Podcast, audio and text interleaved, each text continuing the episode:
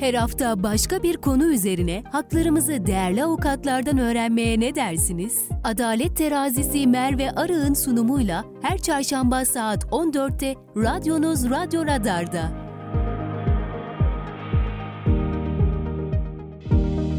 Merve Arı'nın hazırlayıp sunduğu Adalet Terazisi başlıyor. Değerli Radyo Radar dinleyicileri ve Kayser Radar takipçileri, Adalet Terazisi programıyla karşınızdayız. Ben Merve Arı. Bu hafta Gizem Gül Uzun bizimle birlikte. Hoş geldiniz. Hoş bulduk Merve Hanım. Nasılsınız? İyiyim, teşekkür ederim. Siz nasılsınız? Çok teşekkür ediyorum. Yeni sezonda ilk e, hukukçumuz siz oldunuz. E, iyi ki de oldunuz. Hoş geldiniz tekrardan. Nasılsınız? İyisiniz? İyiyim Merve Hanım. Öyle uğraşıyoruz. E, Allah uğraşmaktan geri koymasın. Bu hafta velayet davasını işleyeceğiz. E, oldukça da geniş kapsamlı bir konu. E, siz değerli takipçilerimizin bu konuyla alakalı soruları olursa bizlere sosyal medya hesaplarımızdan yazabilirsiniz. Aynı zamanda 0352 336 25 98 hemen alt bantta görünen numaramızdan da bizlere ulaşabilirsiniz. Yazdığınız her yerden biz zaten ulaşıyoruz. E, hukukçumuz da cevaplandırıyor. E, konumuza giriş yapalım istiyorum. Bu velayet davasına nasıl açılır ve ne kadar sürer? Evet. Velayet davası nasıl açılır? Ee, eğer derdest bir boşanma yani hali hazırda bir boşanma davası yoksa hı hı. çünkü velayet müşterek çocuk varsa ortada e, velayet zaten boşanma davasının bir konusudur. Hı hı. Boşanma davası bittikten sonra e, yeniden bir velayet davası açılacaksa velayetin değişikliğine ilişkin velayetin değişikliğine ilişkin bir dava dilekçesi hazırlanır Hı. ve bu şekilde bir dava açılabilir. Ama hali hazırda bir boşanma davası varsa eğer yeniden çünkü bu velayet davası boşanmanın konusu olduğu için velayet davası açılamaz böyle bir durumda. Çünkü zaten e, boşanma davasının gör, görüldüğü aile mahkemesi velayet konusunda da kararını verecektir. E, velayetin değiştirilmesi davasındaki şartlar nelerdir? Evet. Velayetin değiştirilmesi davasındaki şartlar. Mesela velayet hakkı annede. Babaya, baba da velayet istiyor. Velayetin değişikliğini talep ediyor diyelim. Burada taraflar anlaşabilir. Mesela velayet hakkı artık sende olsun diyebilir. Eğer taraflar anlaşmıyorlarsa her iki tarafta velayeti istiyor diyelim. Bu durumda hakim çocuğun üstün menfaatine bakacaktır. Hı hı. Çocuk nerede kalırsa geleceği daha iyi olacak. Neresi çocuğun üstün menfaatine daha uygun? Ee, çocuk nerede daha mutlu? Eğitimi, öğretimi, bakımı nerede çocuk e, bunlar bu şartlar çocuğun nerede iyi olacak? Tüm bunlar mahkemece kolektif bir şekilde değerlendirilir hı hı. ve e, genellikle de ayırt etme gücüne sahip yaş 7 yaş kabul edildiğinden çocuk hı hı. 7 yaşından büyükse yargılama içerisinde çocuğun görüşü alınmaktadır. Ama hı hı. çocuk eğer yaşının el verdiği şekilde konuşamıyorsa, e, yaşadığı olaylardan ötürü yaşından daha geri kalmış olabilir. E, bu durumda çocuk da 12 yaşında mahkeme huzurunda konuşabilir. Yani burada hakim kendisi çocuğun dinleneceği yaş aralığını psikolog ve pedagoglardan yardım alarak takdir edebilir. Şimdi bir boşanma yaşanıyor. Her iki tarafta velayeti istiyor. Babanın durumu daha iyi maddi yönden yani çocuğa bakabilecek her yönden daha iyi. Ee, ama çocuk anneye muhtaç. Yani evet. öyle bir yaş aralığında. Bu durumda ne oluyor? Evet. Tek başına maddi maddi durum velayetin bir tarafa geçmesini sağlayacak bir husus değildir. Mesela anne asgari ücretle çalışıyor. Baba çok zengin diyelim. Baba çok zengin olduğu için sen çok zenginsin çocuğa daha iyi bakarsın velayet sende olacak diye bir algı olmaz mahkeme tarafından. Mahkeme yine çocuğun üstün menfaatine bakar. Sonuçta e, para ile e, örtbas edilemeyecek ve egale edilemeyecek şeyler vardır. Mesela anne sevgisi. E, anne sevgisi daha ağır basıyor. Çocuk anne sevgisine muhtaç yaştaysa baba anneden kat be kat zengin olsa bile velayet davasında bir hak elde edemeyebilir. Yani maddi koşul değerlendirilir şunu demek istiyorum aslında işin özeti. Maddi koşullar değerlendirilir ama tek başına kıstas alınmaz. Tek başına maddiyat kıstas alınmaz. Peki velayet ilerleyen süreçlerde değişiklik gösterip anneden babaya ya da babadan anneye geçebiliyor mu? Evet, velayet değişiklik gösterebilir. Şartlar ve koşullar değişmişse ilerleyen aşamalarda mesela şöyle bir durum olabilir. Velayet hakkı ilk başta annede ama sonra e, anne ağır bir hastalığa yakalandı ya da anne psikolojik olarak rahatsızlandı ya da Allah korusun kanser oldu. E, bu gibi durumlarda artık çocuğa bakamayacak hale geldi. Yani çocuğa e, çocuğun ilgisini bakımını, gözetimini karşılayamayacak hale geldiyse bu durumda velayet değişikliği çocuğun üstün menfaatine aykırı olduğu takdirde kabul edilebilir. Yani birçok etken var. Peki şu da var mı? Mesela belli bir yaşa geldi çocuk. E, annedeyken babama gitmek istiyorum dedi. Bu da etkili oluyor mu? Evet. Çocuğun görüşü mahkeme nazarında her zaman etkilidir. Çocuk e, babamda kalmak istiyorum derse hakim bunu kararını verirken dinler. Ama sadece ve sadece çocuk babasında kalmak istiyor.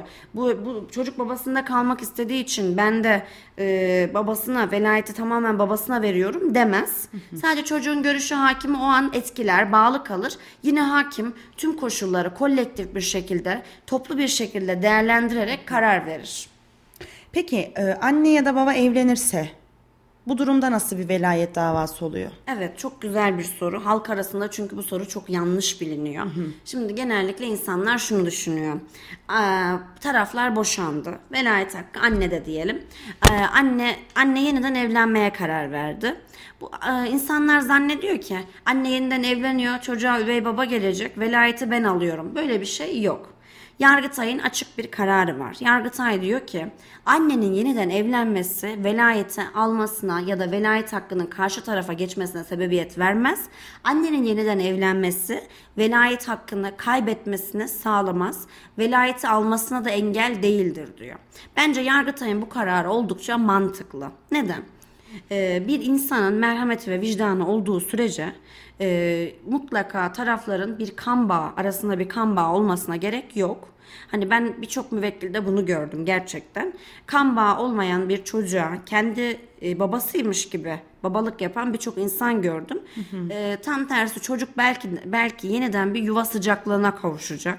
Belki yeniden güzel bir aile, mutlu bir aile olunacak. Eksikliği gidecek belki, Belki de. bir Evet. eksikliği gidecek tabii ki. Yani böyle birçok insan görüyoruz artık. Çünkü hani Boşanmalar e, da çoğaldı. Boş, boşanmalar çoğaldı. Artık evlenmek neyse boşanmakta o oldu. Tabii ki iyi bir şey değil ama artık boşanma halk arasında da e, mahkemede de avukatta da artık sayısı o kadar arttı ki artık klasik Adliyeler dosya dolu. Evet adliyeler şu an boşanma davası dosyası dolu gerçekten. Öyle olunca da insanların algısı da boşanmaya bakış açısı da değişti. Haliyle de yeniden evlenmesi kimsenin velayeti almasına engel değildir. Bir de bu velayet çocuk için kaç yaşında bitiyor? Evet, velayet hakkı denilince aklımıza 18 yaş gelmelidir. Ee, şimdi burada karıştırılan husus şu. Altını çizerek belirtelim. Velayet hakkı 18 yaşına kadar geçerlidir. 18 yaşından sonra velayet hakkı diye bir hak olmaz. Yani ama nafakayla bu çok karıştırılıyor. Şimdi neden? Ee, diyor ki bu çocuğun velayeti bitti diyor taraflar. Nafaka artık ödenmesin. Öyle bir şey yok. Yargıtay diyor ki çocuğun eğitim öğretimi bitti. Ee, ya da 18 yaşından sonra diyor eğitim öğretim hayatı devam ediyorsa diyor nafakaya yine hükmedilir. Yani illa şöyle bir şey yok. Velayet velayet velayet hakkı olabilecek çocukta nafaka ödenir diye bir şey yok. Çocuk üzerinde velayet hakkına sahip olunamasa bile nafakaya yine hükmedilebilir. Çocuk ne zaman işe başladı, kendi hayatını kurdu, nafaka o zaman kesilir. Ki zaten artık günümüzde 18 yaşında düzenli geliri olan insanı çok az görüyoruz. Yani insanlar zaten üniversiteden genelde 22 yaşında mezun oluyorlar. İş bulma süreci falan filan derken bazı insanların iş bulma süreci en az 25 yaşı buluyor. Dolayısıyla nafakada e, iş bulana kadar devam ediyor. Artık orada yetişkin çocuk oluyor. Yetişkin çocuk iş bulana kadar devam ediyor. Yani 18 yaşından sonra velayet bitse bile nafaka ödenebilir. Ama 18 yaş üstü bir kişide velayet hakkından asla kata bahsedilemez. Çok ince detayları ve çizgileri olan bir konu. Evet. Ee, o yüzden şu an bizi izleyen takipçilerimiz e, varsa sorularınız lütfen bizlere yazınız. Hukukçumuz Gizem Gül Uzun e, cevaplandırıyor. E, peki velayet davasında çocuğa nasıl sorular soruluyor? Evet. Velayet davasına çocuğa öncelikle şunlar sorulabilir. Gayet Çünkü özür dilerim lafınızı böldüm. Ben hep şunu düşünüyorum. Şimdi acaba işte e, annemi istiyorum diyen bir çocuk annesi tarafından tehdit ediliyor mu ki? Bunu diyor. Bunu düşünüyorum. O yüzden bu soruyu da sormak istiyorum. Evet maalesef tabii ki boşanma davasında çocuklar bir çatışmanın ortasında kalıyor. Evet. Gerçekten çok da üzücü bir durum. Ee, keşke hiç olmasa. Velayet davasında da çocuğa sorular soruluyor. Ee, annen ne iş yapıyor? Baban ne iş yapıyor? Annenin ya da babanın bir rahatsızlığı var mı? Sen nerede daha çok mutlusun? Sen kiminle kalmak istiyorsun? Ee, orada kaldığın yer neresi? Mesela ev nasıl? E, ayrı odan var mı tarzında çocuğa sorular soruluyor. Hı hı. Ama burada bazen çocuk tabii ki bir tarafın baskısı altında kalıp mahkemede gerçeği söylemeyebiliyor. Hı hı. Neden? Çünkü eğer beni istemezsen hani bir daha senin yüzünü bile görmem Hani yüzüne bile bakmam ya da beni istemezsen eğer işte davada beni bunları bunları söylemezsen seninle görüşmem. Ya da bazen karşı taraf tamamen şunu diyebiliyor çocuğa. Onunla görüşürsen ben yokum seçimini yap denildiği zaman çocuk tamamen mahkemede iradesini yansıtamayabiliyor çok acı bir şekilde. Ama tabii ki burada ben psikolog ve pedagogları takdir ediyorum gerçekten. Çünkü boşanma davalarında ne zamanki bir rapor görsem psikologlar ve pedagoglar e, böyle bir durum varsa bir baskı durumu varsa sir raporlarında sosyal inceleme raporlarında çocuğun baskı altında kalıp kalmadığını çok güzel bir şekilde ifade ediyorlar. Mesela şunu yazmış çocuk e, davacı babanın etkisi altında kaldığı gözlemlenmiştir. Bu yaştaki çocuk bu cümleleri kuramaz demiş. Çocuk gerçek iradesini yansıtmıyor. Yaşından büyük cümleler kuruyor demiş. Hani onlar çok hmm, güzel. Kaç ezbere yaşında, dayalı konuşuyor. Ezbere dayalı konuşuyor diye bunu hemen çok güzel gözlemliyorlar. Çocuğun e, yaşının e, el verdiği ölçüde konuşamadığını vesaire onlar çok güzel bir şekilde biliyor ve bunu da raporluyorlar. Ee, iyi ki psikolog ve pedagoglar bu alanda güzel çalışıyor. Şimdi daha yeni çok ince bir noktaya değindiniz. Bu nafaka ve velayetin karıştırılması konusunda. Geliri olmayan anneye velayet dışında nafaka verilir mi diye bunu bir kez daha sormak istiyorum. Evet. Geliri olmayan anneye e, nafaka verilir. Gelir olmayan anneye hem kendisi için nafaka verilir, hı hı. yoksulluk nafakası, hem de çocuk için nafaka verilir, iştirak nafakası. Yani hem çocuk için hem kendisi için anne nafaka alabilir. Hı hı. Ama burada maalesef yani benim çok eleştirdiğim bir nokta var. Ee, yani yıl olmuş 2023, dolar dolar 27, euro 29. Ve mahkemeler e, çok bazen şaşırıyorum komik meblalarda nafakaya hükmediyorlar. Hani bence bu nokta bir Yargıtay tarafından da değerlendirilmeli. Mahkemeler tarafından da değerlendirilmeli. Hani kiraların 10 bin lira olduğu bir devirde anne ile çocuğa toplam 3 bin lira nafakaya hükmedilmesi bence gerçekten muhtaç olan biri için hakkaniyete aykırı. Yani. Ee, şimdi kısa bir reklam arası verelim istiyorum. Evet. Ardından benim sorularımla ve takipçilerimizden gelen sorularla da yayınımızı e, reklamdan sonra da sonlandıralım istiyorum. Değerli Radyo Radar dinleyicileri ve Kayser Radar takipçileri Adalet Terazisi programına kısa bir aranın ardından sonra devam edeceğiz. Siz de bu reklam arasında sorularınız varsa bizlere istediğiniz herhangi bir sosyal medyamızdan yazabilirsiniz. WhatsApp iletişim hattımızdan da.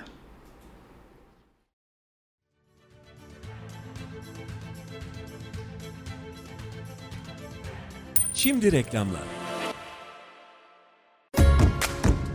Sen de hayatı dolu dolu tat. Aç bir meysu dolu dolu hayat. Sen de hayatı dolu dolu tat. Aç bir meysu dolu dolu hayat. Her bütçeye uygun birbirinden eşsiz mobilyalar Dizze Home'da. Yılların verdiği tecrübeyle kalite ve konforu tasarlayan ekibimizle yaşam alanlarınızı Dizze Home modasıyla renklendirin. Konforundan vazgeçemeyeceğiniz ürünlerimizi görmeniz için sizleri mağazalarımıza bekliyoruz.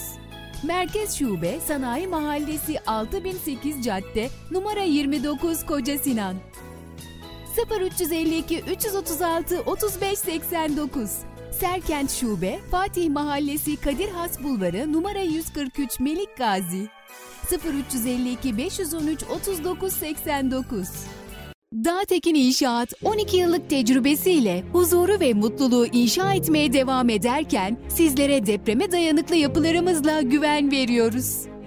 Erkilet bölgesinde bade konakları 4, 5, 6, Seyrani yükselen konutları Şehir Hastanesi bölgesinde hastane konakları, Yavuzlar Mahallesi Dağtekin Konağı projelerimizle yüzlerce aileye yuva yapıyoruz. Erkilet bölgesinde yer alan villa projelerimiz İnceada Villaları 1, 2, 3 ile doğanın kapılarını sizlere aralıyoruz. Siz de bu projelerde yerinizi almak, Dağtekin'le yuva sahibi olmak için acele edin. Adres Sümer Mahallesi Erkilet Bulvarı numara 22 Taksim A Koca Sinan. Telefon 0352 220 çift 011 0533 652 çift 045 Bir imza düşünün. Olduğu her yere değer katan, hayat veren. Hayalleri gerçeğe dönüştürürken memleketin her karış toprağına güçlü projelerin temelini atan bir imza. İlkleri yaşatan aynı imza şimdi sizleri yeni projelerine davet ediyor. Bu imzayı tanıyorsunuz. Çünkü 5 yıldır olduğu her yerde farkını yaşıyorsunuz. En iyisini isteyenler için değeri her geçen gün artan yaşam projeleri Grup Avenir güvencesiyle Yozgat ve Kayseri'de. Reklamları dinlediniz.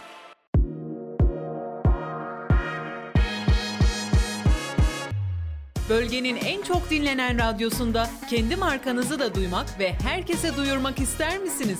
Markanıza değer katmak için bizi arayın. Radyo Radar reklam attı. 0539 370 91 80. Merve Arı'nın hazırlayıp sunduğu Adalet Terazisi devam ediyor. Değerli Radyo Radar dinleyicileri ve Kayseri Radar takipçileri, Adalet Terazisi programı kısa bir aranın ardından sonra kaldığı yerden devam ediyor. Bu hafta hukukçu Gizem Gül Uzun bizimle birlikte velayet davasını işliyoruz. Bu konuyla alakalı sorularınız olursa lütfen bizlere sosyal medya hesaplarımızdan yazınız. Aynı zamanda alt bantta yazan 0352 336 2598 WhatsApp iletişim hattımızdan da bizlere sorularınızı sorabilirsiniz. Şimdi devam ediyorum. Boşanma davasında kusurlu bulunan eşe velayet verilebilir mi? Evet. Velayet hakkının boşanma davasındaki kusur durumuyla il, e, bir ilgisi yoktur. E, mesela boşanma davası açıldı. E, çocuk açıldı, dava sonuçlandı. Davada kadın kusurlu bulundu. Ama kadının velayeti almasına bir engel yok diyelim. Yani evlilik birliğinin bitmesinde kusurlu ama e, velayet hakkında velayet hakkına sahip olmasına bir engel yoksa boşanma davasında kusurlu bulunan eşe dahi velayet hakkı verilebilir. E, çünkü e, bir kişinin evlilikteki eş rolüyle anne rolü ya da baba rolü farklı olabilir. Peki biz velayet davalarında e, yetkili ve görevli mahkemeler nerelerdir? Evet. Velayet davasında görevli mahkeme aile mahkemesidir. Yetkili mahkeme ise davacının ikamet ettiği yer mahkemesidir. Ee, bu durumda aile mahkemesinde kişi bulunduğu yerdeki aile mahkemesine dava açabilecektir. Bir de Gizem Hanım, bu velayet hakkı kimlere ait olabilir? Evet toplumda yine çok yanlış bilinen bir hususa değineceğim. Altını çizerek söylüyorum. Özellikle e, yani boşanma davasında bazı babaanneler ve anneanneler bunu duysun gerçekten. Velayet hakkı ya annenindir ya babanındır. Şimdi e, boşanma davası bitiyor. Çıkışta bir orada kızılca kıyamet kavga oluyor. Çocuğun velayetini diyor ben alacağım. Nereye alacaksın? Yani velayet ya annenin ya babanın. Bitti. Velayet hakkı bu ikisinin. Bu ikisi anne baba dışında kimsenin velayet hakkı yok. Yani şöyle bir algı yok. Annenin anne velayeti almıyor, istemiyor diyelim. Babaanne oradan çıkıyor ben velayetini alırım. Babaanne velayet alamaz ya da anneanne de velayet alamaz. Anne velayeti istemiyor. E baba da istemiyorsa o zaman çocuğa devlet ona göre çocuğu uygun bir ortama yerleştirilir. Belki bir koruyucu aile bulunur. Ama e, anneannenin ya da babaannenin velayeti alabileceği hususu külliyen kirli bir bilgi ve yalan. Çok teşekkür ederim. Peki anne ve baba vefat etmiş olsa bu durumda ne oluyor? Evet. Anne ve baba vefat ederse e, çocuk bu durumda devletin gözetimi altında e, çocuğa uygun bir kuruma yerleştiriliyor. Çocuk e, çocuk yetiştirilme yurtları var. Çocuk orada e, iş sahibi olana kadar, yetişene kadar kalıyor. Şimdi bu tamamen buraya kadar öz çocuklar için konuştuk. Bir Evet. de üvey çocukların velayet konusu nasıl işliyor? Evet, üvey çocukların velayeti de şu şekilde.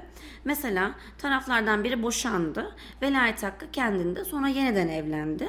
Ee, bu durumda mesela annenin ise, ön- annenin önceki evliliğinden çocuk çocuğuysa babanın üvey çocuğu olmuş oluyor. Bu durumda velayet hakkı yine annenin oluyor ama babaya da orada şöyle bir e, yeniden evlendiği eşe de şöyle bir yükümlülük düşüyor. Sen de bu çocuğun bakım ve gözetimine katkıda bulunmak zorundasın. E, belli sorumlulukların var. ihmal etmeyeceksin şeklinde. Hani sonuçta artık e, o da onun ailesi olmuş oluyor. O da ona yardım ediyor. Çocuğun ve bakım ve gözetimine yardım ediyor. Ee, velayetin değiştirilmesi talebiyle kişisel ilişkinin yeniden düzenlenmesi talebi e, terditli dava şeklinde açılabilir mi? Terditli davadan bahsedeyim ilk. Terdit ne demek? Terdit derece demek. Terditli davada dereceli dava demek. Dereceli davada şu. Ben asıl davamı açıyorum. Asıl davamın içinde bir talebim daha var. Eğer asıl talebim kabul edilmezse en azından ikinci olan, dereceli olan, ikinci derecedeki talebim kabul edilsin. Mesela velayetin değişikliği davası şu şekilde açılırsa bence çok risksiz olur, güzel olur. Otomatik sadece velayet değiştirilsin değil de sayın mahkemenizden şunu istiyorum. Öncelikle velayetin değişikliği ama velayet değiştirilmesine karar vermiyorsanız da en azından çocukla benim aramdaki kişisel ilişki yeniden düzenlensin. Kişisel ilişkinin düzenlenmesi şeklinde dava açılabilir. Bu durumda ne olur? Velayet değişikliği olmasa bile en azından mahkeme kişisel ilişki saatini, gününü artırabilir. Hem de e, bu dava hem çocukla karşı tarafın bağını kuvvetlendirebilir hem de kişi davayı bu şekilde terditle açarsa davayı kaybetmez. Kaybetmeyeceği için de yargılama giderlerinden ve karşı vekalet ücretinden sorumlu olmaz. Ee, velayet davalarında resen araştırma ilkesi uygulanır mı? Evet. Yine resen kelime anlamına geleceğim. Resen ne demek? Ha, resen. Res- evet. Resen kelimesinin anlamı kendiliğinden demek. Velayet davalarında diyor ki kendiliğinden araştırma ilkesi uygulanır mı? Yani taraflar bir şeyler getirecekler mi? Bir şeyler yapacaklar mı? Devlet de hakim de bunu kendiliğinden araştıracak mı diyor bu soruda aslında. Şimdi e, velayet davasında taraflar evet delil sunabilirler tabii ki. Delil sunma süresi içerisinde delil sunabilirler. Ama taraflar hiç delil sunmasa bile velayet davası kamu düzenine ilişkindir. Önemli bir davadır. Çünkü bir çocuk e, topluma kazandırılacak bir çocuğun üstün menfaati söz konusu. Çocuğun üstün menfaati söz konusu olduğu için de velayet davasında resen yani kendiliğinden araştırma ilkesi uygulanır ki yani top çocuk çocuğun üstün menfaati nerede kalmasını uygun buluyor mahkeme. Bunu kendisi de takdir eder, kendisi de değerlendirir ki bence çok da mantıklı olması gereken de zaten budur yani. Ee, bu velayet hakkı kapsamında hangi yükümlülükler bulunuyor Gizem Hanım? Evet, velayet hakkı kapsamında hangi yükümlülükler bulunuyor? Bunu direkt ezbere saymak yerine aslında şöyle düşünebiliriz. Şu an burada bir çocuk var. Bir çocuk hayal edelim. 2 yaşında bir çocuk, 3 yaşında bir çocuk hayal edelim. Ben o çocuğu yanımdayken neler olur? Neler yapabilirim? Bezini değiştirebilirim. Karnını doyurabilirim. Okula götürebilirim. ilgilenebilirim, sevgi gösterebilirim. Yani kendisini yapamayacağı şeyler. Bakımı, gözetimi, eğitimi, öğretimi, kısaca bir çocuğun bir düzgün bir yetişkin olarak ortaya çıkabilmesi için yapılabilecek her şey yükümlülük altındadır aslında. Yani sadece fiziki ihtiyaçlarını karşılamak olarak asla sayamayız. Yani çocuğun kursa gönderilmesi gerekiyor. Sosyal e, olarak topluma kazandırılması gerekiyor. Sosyal bir ortama. Bunlar dahi velayet hakkında yükümlülük kapsamındadır. Asla bir çocuğun sadece karnını doyurmak, anne ya da baba olmayı gerektirmez. Çocuğun bambaşka ihtiyaçları da var. Bu durumda bunu çok daha geniş tutabiliriz. Bunun özeti aslında şudur. Ben bir çocuğu nasıl iyi yetiştirebilirsem tüm velayet hakkı kapsamında yükümlülük denince de akla bu gelmelidir. Tüm yükümlülükler budur. Yani oldukça bu geniş Çok önemli. geniş tutulmalı ve geniş yorumlanmalıdır. Dar yorumlanmamalıdır. Hani çünkü yanımızda bir robot yok. Bir çocuk var. Sabah kalktım, pijamasını giydirdim, okula götürdüm. Her Karnını şey sana bağlı. Getirdim. Bu değil. İlgilendin mi? Sevgi gösterdin mi? Derdini dinledin mi? Bir sıkıntısı var mı? Yani çünkü çocuk anne babanın böyle gözünün içine bakıyor. Ve çoğu Hani- çocuk bir şey söylerken korkarak söylüyor. muhtaç yani muhtaç bir yani bazen yani küçücük bir çocuk gerçekten bir sabi yani sana muhtaç böyle bakıyor. Hani sonuçta o dünyaya gelmiş. Duygulandım şu an. evet. Hani işte öyle olunca da hani çocuğun sadece fiziki ihtiyaçları değil, gerekli algıya ulaşması için de yapılması gereken tüm ihtiyaçlar. Keşke aslında anne baba olmak e, herkes anne baba oluyor da keşke aslında anne baba olmadan önce bir şey yapılabilse ama tabii ki bunun bir imkanı yok. Bence herkes anne baba olmayı hak etmiyor.